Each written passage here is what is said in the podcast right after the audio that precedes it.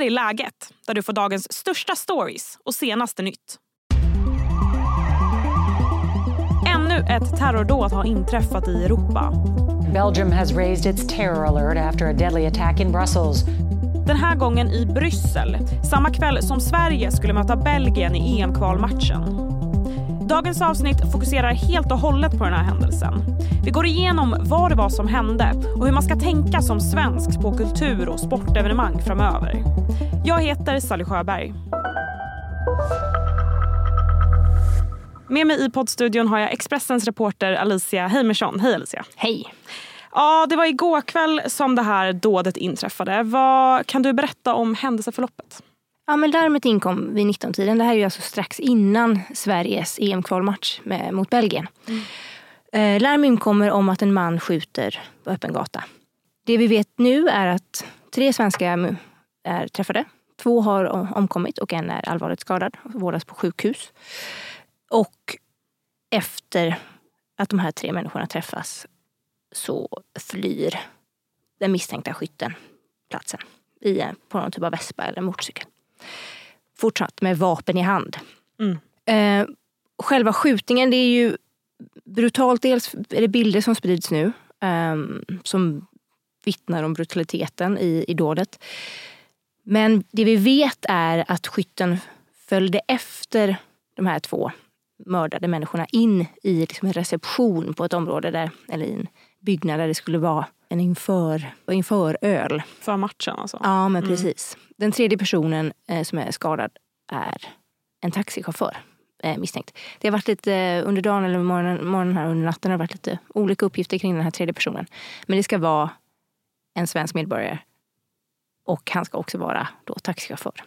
Och nu benämner vi det här som en terrorattack. Varför då?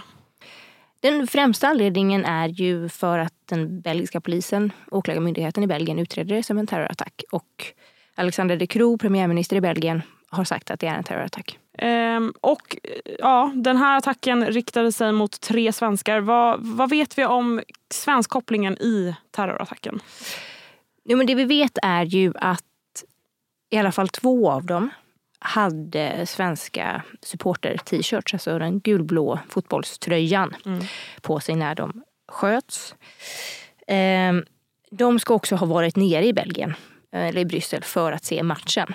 Efter dådet så ska ju den man man nu misstänker har begått eh, dådet, Abdesalem Lasoued, en 45-årig tunisisk man, han eh, ska ha filmat sig själv efter dådet där han säger att han har mördat tre svenskar och han svär sin trohet till IS. Så att det är, eh, det är därför polisen i Belgien då misstänker och ut, utreder det som ett direkt attentat mot Sverige och svenskar. Trots då att Abdel Lasoued, han, på hans sociala medier så har han ett stort engagemang för andra frågor. Eh, Israel-Hamas-konflikten eller Israel-Palestina-konflikten är typ en sån. Men, men det utreder inte den belgiska åklagarmyndigheten som ett troligt spår i det här. Nej, och eh, precis innan vi klev in här i, i poddstudion så hade Ulf Kristersson också en pressträff eh, där han berättade att den här gärningsmannen kan ha befunnit sig i Sverige också. Mm. Vad vet vi om det? Där? Väldigt lite ska jag säga. Mm. Eh, Ulf Kristersson var fåordig om det. Han sa att han hade fått från belgiskt håll, från belgisk säkerhetspolis, att Abdel Sued har varit tidvis i Sverige. Mm. Vi kan lyssna vad Ulf Kristersson sa. Den misstänkte gärningsmannen hade enligt belgiska källor sökt asyl men fått avslag och sen hållit sig kvar i landet. Han har också tidvis vistats i Sverige. Och där hörde vi statsminister Ulf Kristersson. Och jag ska strax prata mer med Alicia, men först en kort nyhetsuppdatering. Två personer sitter anhållna misstänkta för brott mot rikets säkerhet. Personerna ska ha gripits i natt och brottsrubriceringen lyder grov obehörig befattning med hemlig uppgift. Flera razzior genomfördes i samband med gripandena av de misstänkta. I söndags fick en hel familj söka vård i Hudiksvall på grund av vad som beskrevs som allvarliga magsjukesymptom. Ett barn har avlidit och två vuxna och ett barn vårdas fortfarande och beskrivs som allvarligt sjuka. Och idag meddelade polisen att man utreder händelsen som misstänkt mord. Vad som orsakat symptomen är ännu oklart men polisen har citat landat i misstanken att det här inte är något som de åstadkommit själva. Smågodis, choklad, läsk och bakverk. Färsk statistik visar att svenskar unnar sig allt mer sötsaker och väljer bort nyttigheter. Nu höjer experter ett varningens finger och lyfter fram förslaget att införa en speciell sockerskatt. Vi ser en oroande ökning av svenskarnas kroppsmasseindex. Det säger Liselott Schäfer Elinder som är professor i folkhälsovetenskap. Hej, Ulf Kristersson här. På många sätt är det en mörk tid vi lever i. Men nu tar vi ett stort steg för att göra Sverige till en tryggare och säkrare plats. Sverige är nu medlem i Nato. En för alla, alla för en. Har du också valt att bli egen?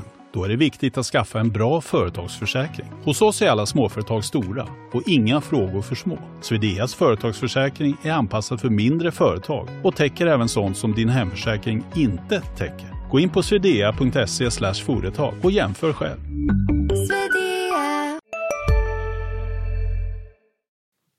Nu finns det också uppgifter att man söker efter ännu en person. Eller hur? Ja, jo men det där är också uppgifter som har kommit och gått under, under förmiddagen här. Och det var är inrikesminister i Bryssel, Anneli Verliden, som säger att man kan inte utesluta att det finns ytterligare personer inblandade. Och det man pratar om är alltså inte en misstänkt gärningsperson. Det finns inget just nu uttalat hot mot allmänhet i Belgien eller mot svenskar specifikt. Ehm, men Abdel Lassoued har filmats på ett sätt som gör att man kan misstänka att han haft någon med sig som har filmat alltsammans eh, från avstånd. Då. Så att, eh, därav att man pratar om att det kan finnas ytterligare inblandningar. Och vad händer i Bryssel och Belgien nu då? Det är, jag läste här att ni skriver om att det finns flera företag som höjer sin beredskap på grund av det här. Ja men så är det. Mm. Den svenska terrorhotnivån i Sverige ligger kvar. Men i Bryssel så är den höjd eh, till högsta nivå.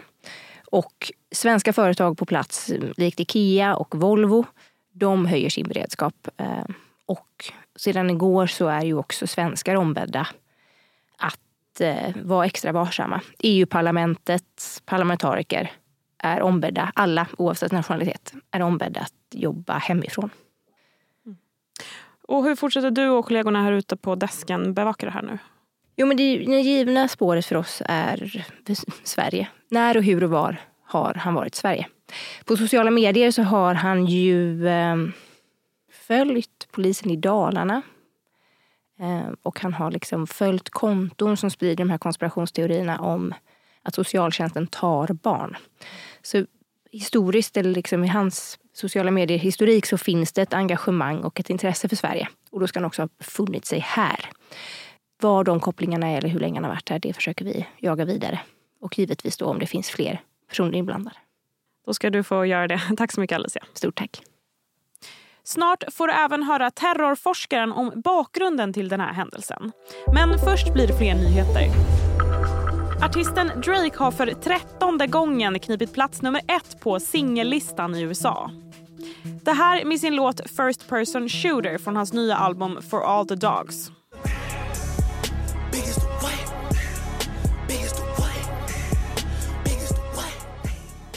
Drake delar nu rekord med Michael Jackson som tidigare haft flest antal listettor bland manliga artister. Det här enligt Billboard. Hej, Synoptik här. Hos oss får du hjälp med att ta hand om din ögonhälsa. Med vår synundersökning kan vi upptäcka både synförändringar och tecken på vanliga ögonsjukdomar. Boka tid på synoptik.se. Som vi hörde Alicia säga här innan så utreder den belgiska polisen händelsen som ett dåd riktat direkt mot Sverige och svenskar. Hur ser hotbilden mot svenskar ut? Och hur ska man som svensk tänka kring den här situationen? Hallå. Hej Hans! Hej. Med mig på telefon har jag nu terrorforskaren Hans Brun. Ja, du har tidigare sagt att det är sen koranbränningarna som det har funnits en förhöjd hotbild mot svenskar. Hur väntat var det att något sånt här skulle ske? Ja, alltså, det, det är koranbränningarna och den här pågående LVU-kampanjen mot Sverige som påverkar det här. Så att det här är tyvärr ingenting oväntat. Eh, det har vi pratat om, bland annat med er då, eh, på Expressen ja, tidigare. Vi har pratat mm. om det här. Det har sagt att det inte är fruktansvärt och hemskt, absolut är det så. Men, men, men i min värld så är, så är det inte speciellt oväntat det här. Nej. Och det här är ju inte första gången just eh, alltså, kultur och sportevenemang drabbas av såna här attentat. 2017 dog 22 besökare i bombdådet mot en Ariana Grande-konsert. 2015 minns vi Bataclan då 90 personer dog på en spelning i Paris. Är kultur och sportevenemang extra utsatta? Ja, men, den typen av terrorism vi lever i idag där man går in för att skada så många som möjligt, så absolut. Och det är också lätt att hitta lämpliga måltavlor där, kan vara knutna till ett visst land eller en viss region. Mm. Eh, och vi började ju se den här utvecklingen redan ja, OS 1972, då i München där israeliska idrottsmän mördades av, av eh, palestinska terrorister. Så, så att eh, idrottsevenemang och stora kulturevenemang har ju varit i fokus ja, i 50 år åtminstone. Hur skulle du säga att det allmänna eh, hotet om terror ser ut i världen just nu? Ja, det finns ju generellt sett en, en högre hotbild än normalt i västvärlden. Både från jihadistisk terrorism eh, men också ifrån högerextremism som, som beter sig på ungefär samma sätt. Eh, vi har haft en rad terrordåd i USA som kan klassas som högerextrema som har gått till på ungefär samma sätt som det här att man skjuter ihjäl då helt okända människor där det inte finns någon koppling mellan brottsoffer och förövare. Förutom att man tillhör då en viss grupp människor. Mm. Och de typiska gärningsmännen, vad, vad klassificerar de? Ja, det är ju då... Alltså, om nu, nu, ska bara, nu pratar vi generellt. Eh, det, är, det är män mellan 20 och 35 år eh, som använder ganska enkla medel. Knivar, fordon, skjutvapen för att skada så många som möjligt. Och offren är ju slumpvis utvalda. Då. Mm. Och eh, hur ska man tänka kring att gå på såna här eh, fotbollsmatcher eller konserter som svensk framöver, tycker du? Jag tycker inte att man ska vara rädd. Man ska följa med i nyhetsbevakningen. Om man, ska man resa utomlands så kan man ju ganska enkelt, och det tycker jag är en bra idé, om man känner sig lite fundersam, att man kontrollerar vilka reseråd UD ger. Det finns ju på nätet. Och sen kan man också om man vill titta på andra länder och deras utrikes departement, vilka reseråd de har. Jag brukar titta på Storbritannien och Australien när jag ska ut och resa, för de har ganska bra hemsidor med bra information. Men det, som sagt, det beror ju på vart man reser. Där tackar vi Hans och sätter därmed punkt för dagens avsnitt. Läget kommer ju ut varje vardag så glöm inte att följa podden och även att sätta på notiser. Tack för att du har lyssnat. Du har lyssnat på en podcast från Expressen. Ansvarig utgivare Klas Granström